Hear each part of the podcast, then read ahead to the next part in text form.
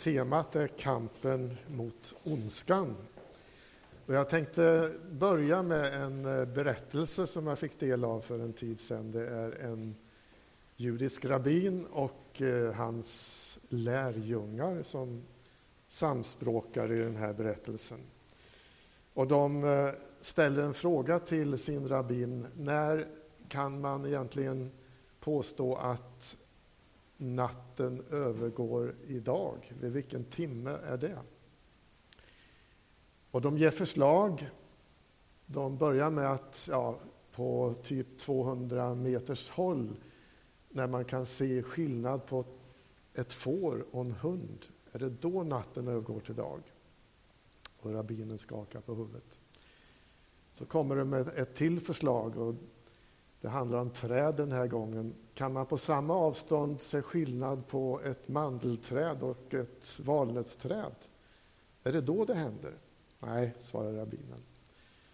Och så säger han, det är när man ser in i en annan människas ansikte och där ser sin syster eller broder, då vet man att natten har försvunnit och dagen har kommit. Låt oss be. Far, jag ber dig välsigna oss tillsammans i ditt namn, Jesus Kristus. Amen. Berättelsen handlar om att se, men inte att se med vilka ögon som helst, utan med ganska speciella ögon. Se sin syster eller sin broder. Det handlar alltså med vilka ögon ser jag? Och jag tror att det är så med kampen mot det onda. Det går ju att prata om det där väldigt tydliga, ni vet, där ondskan blir ja, som en, en jättelik text inför oss. Det kanske vi inte ska göra, utan prata om det som är lite svårare att se. Kanske där jag själv befinner mig i livet. Jag ska läsa evangelietexten och den är hämtad ifrån Markus 9, och från vers 14 till och med vers 32. När de kom tillbaka till lärjungarna, de hade varit då på Härlighetens berg innan, fann det mycket folk omkring dem och skriftlärda som diskuterade med dem. Men när folket fick se honom greps de av bävan och skyndade fram för att hälsa honom. Han frågade, vad är det ni diskuterar? Mästare, svarade en i mängden, jag har kommit till dig med min son som har en stum ande. Var den än faller över honom kastar den omkull honom och han tuggar fradga och skär tänder och blir stel. Jag bad dina lärjungar driva ut den och det kunde det inte. Han svarade, detta släkte som inte vill tro, hur länge måste jag vara hos er? Hur länge måste jag stå ut med er? För hit honom. Det kom fram med pojken och han, när han fick se Jesus började anden genast slita i honom så att han föll omkull och vältrade sig på marken med fradga kring munnen. Jesus frågade hans far, hur länge har det varit så här med honom? Fadern svarade, sen han var liten. Och ofta har anden kastat honom både i eld och vatten för att ta livet av honom. Men förbarma dig över oss och hjälp oss om du kan. Jesus sa, om jag kan, allt är möjligt för den som tror. Då ropade pojkens far, jag tror, hjälp min otro. När Jesus såg att folk strömmade till sa han strängt till den orena anden, du stumma och döva ande, jag befaller dig, far ut ur honom och kom aldrig mer tillbaka. Den gav till ett skrik och ryckte och slet i pojken och for så ut ur honom och pojken låg där så livlös att alla sa att han var död. Men Jesus tog hans hand och reste honom upp och han steg upp. När Jesus hade kommit hem och lärjungarna var ensamma med honom frågade de varför kunde inte vi driva ut den? Han svarade, den sorten kan bara drivas ut med bön. Sen gick de därifrån och vandrade genom Galileen. Han ville inte att det skulle bli känt eftersom han höll på att undervisa sina lärjungar. Han sa, Människosonen ska överlämnas i människors händer och det kommer att döda honom och efter tre dagar efter sin död ska han uppstå.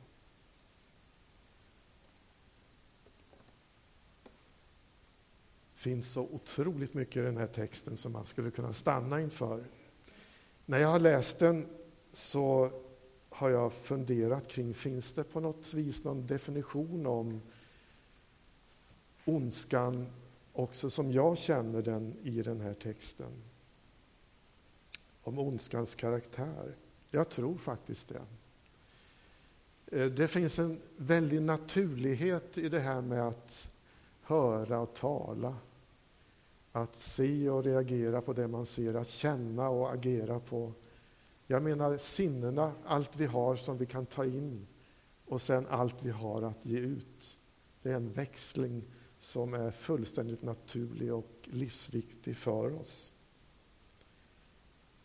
Blir den processen störd, utslagen, skapas det ett utrymme för ondskan då? Är min fråga. Den här pojken han var i den situationen, han kunde varken höra eller tala, det fanns inte den där processen i honom. Och det ställer till det, inte bara för pojken utan hela hans familj naturligtvis. Nu tror jag att det är viktigt att säga att eh, när det gäller funktionsnedsättningar så är det inte det jag talar om. Kanske till och med lite tvärtom. Människor med funktionsnedsättningar har ofta genom sin erfarenhet utvecklade en tydlig känslighet för sin nästa som kan vara guld värd, så att säga.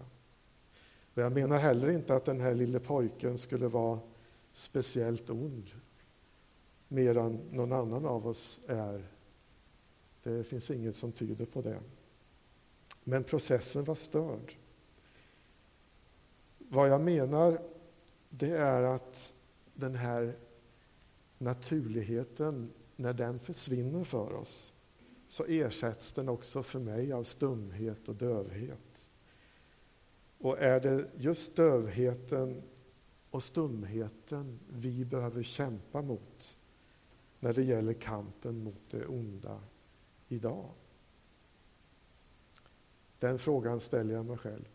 Och eh, när jag ser ut över den debatt som förs i vårt samhälle idag där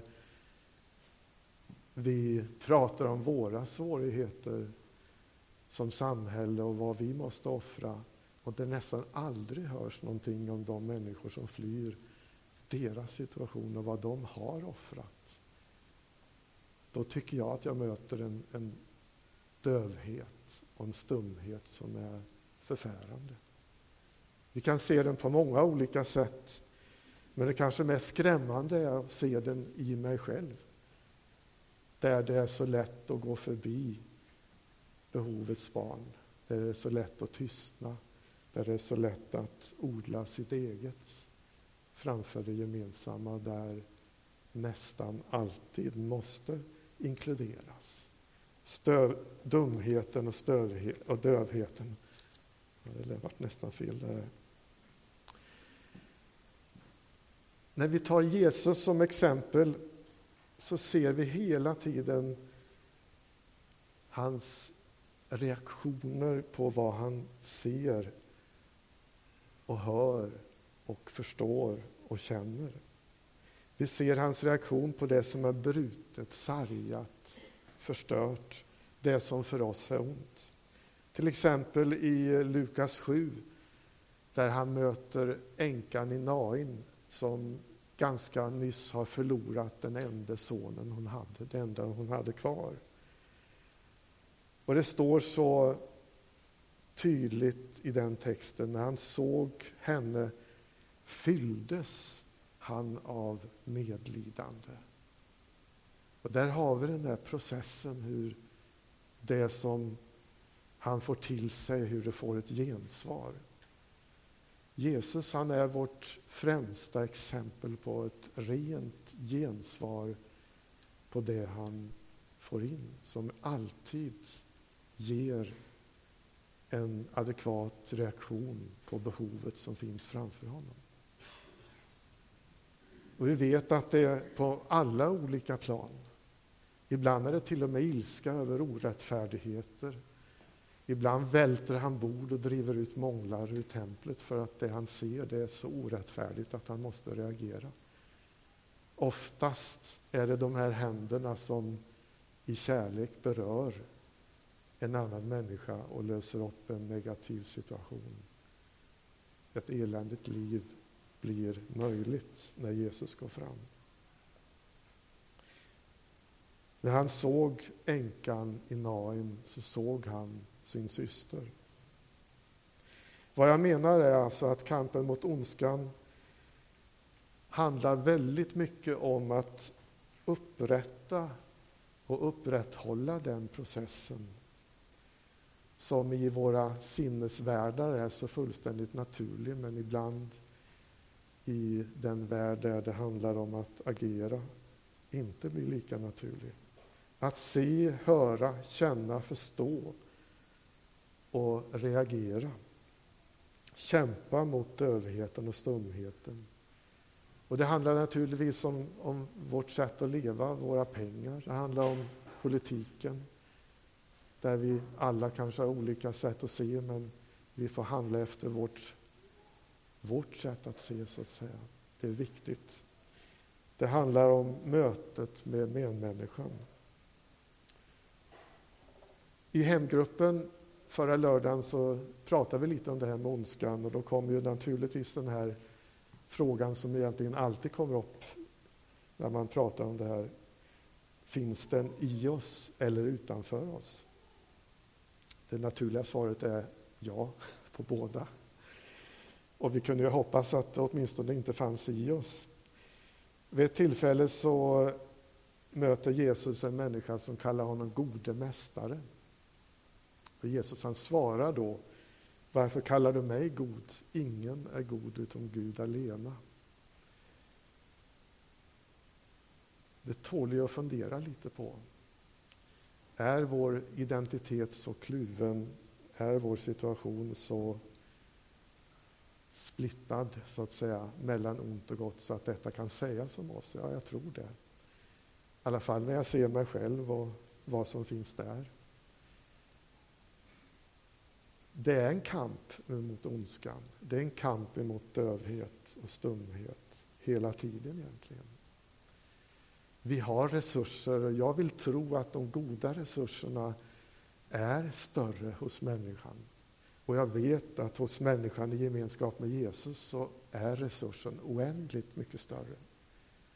Vi har en källa att gå till av godhet, av nåd av försoning som vi kan ge vidare. I Matteus 20 så berättar Jesus om en vingårdsman som anlitade arbetare till sin vingård. Han var lite originell den här mannen för han anställde människor att jobba för en denar. Och det spelar ingen roll om de hade jobbat en timme eller hela dagen visade det sig sen när löneutdelningen skulle vara. Det var ju udda. Och så är det en person som eh, reagerar som jag skulle reagerat. Det där var väl inte rätt. Varför ska de som har jobbat hela dagen och svettats i all sin möda få mindre? Då blir det plötsligt mindre än den som bara har jobbat en timme. Jag tycker fortfarande det är lite orättvist, måste jag säga. Jesus låter vingårdsmannen svara. Varför ser du med onda ögon på mig som är god? Alltså varför vänder du godheten till ondska? Så att säga? Varför har dina ögon förvandlats från goda till onda? Och så är det nog mycket med oss. Här vill jag återkomma till inledningen. Det handlar inte om att se, utan med vilka ögon jag ser. Kampen mot ondskan den sätter fingret på själviskheten, naturligtvis. Och där fallerar mitt engagemang för de här stackarna som fick jobba hela dagen. Eftersom jag själv är löntagare naturligtvis. Ondskan, egoismen, själviskheten vandrar tillsammans. Rättvisan, det är en annan sak som vi måste kämpa med och kämpa för hela, hela tiden och hela vägen. Vår tid behöver människor som har det goda sättet att se på sin omgivning. Vår tid behöver människor som är rädda om att odla goda reaktioner på allt det vi möter. På hela vår omvärld. Vår tid behöver människor som helas från dövhet och stumhet till motkraft mot det som är ont. Varje gång vi står inför det här och väljer att handla efter de goda ögonens princip, så växer vi. Så blir vi starkare. Så utvecklar vi det som är kampen mot det onda. Vi behöver alltså träna oss i det här. Inte ge vika, utan lyssna, reagera. Våga misslyckas och ändå gå vidare. Aldrig bli dum, stöva och... Jag fattar inte att jag ska säga stöva och dumma kanske. Stumma och döva. Hitta på nya ord. Man ska ju aldrig gå ut ifrån en text för att aldrig komma tillbaka till den igen. Så därför så ska vi återvända till den här pojken och familjen till sist. De fick precis det de behövde. Ett slut på stumheten och dövheten. Nu vart det rätt. Ett slut på det onda, slut på elden, vattnet, fradgan. Slut på eländet helt enkelt. Ett omöjligt liv Det är först och främst möjligt för hela den här familjen. Och utan att mena att det enbart är resultatet som räknas så är det ändå det den här familjen som eh, fick uppleva som är det allra, allra viktigaste. Någon kom, stannade, såg deras situation och gav det han hade. Och eftersom det var Jesus i det här fallet så blev situationen helt förvandlad. Nu säger Jesus så till mig och till dig att gå med mig. Han sände sina lärjungar ut i världen för att göra hans lärjungar. Vi får gå och möta den här familjen billigt talat idag. Stanna och ge det vi har. Det kanske inte är mycket, men ändå, vi har något att ge i Jesus Kristus. Amen. Far, jag ber dig för mig själv och för oss. Jag ber dig om nåd att se med friska ögon. Herre, rena och helga oss så vi ser vad du ser, i någon mått i alla fall. Herre, ge oss villighetens ande så vi är villiga att göra det som du vill att vi ska göra. Herre, ofta har vi inte mycket i oss själva. Men det vi har i dig, det vill vi ge. Ge oss nåd, Herre, att vara ljus i världen, salt i förruttnelsen och motkraft mot allt det onda som du vill att vi ska vara motkraft mot. I Jesu Kristi namn. Amen.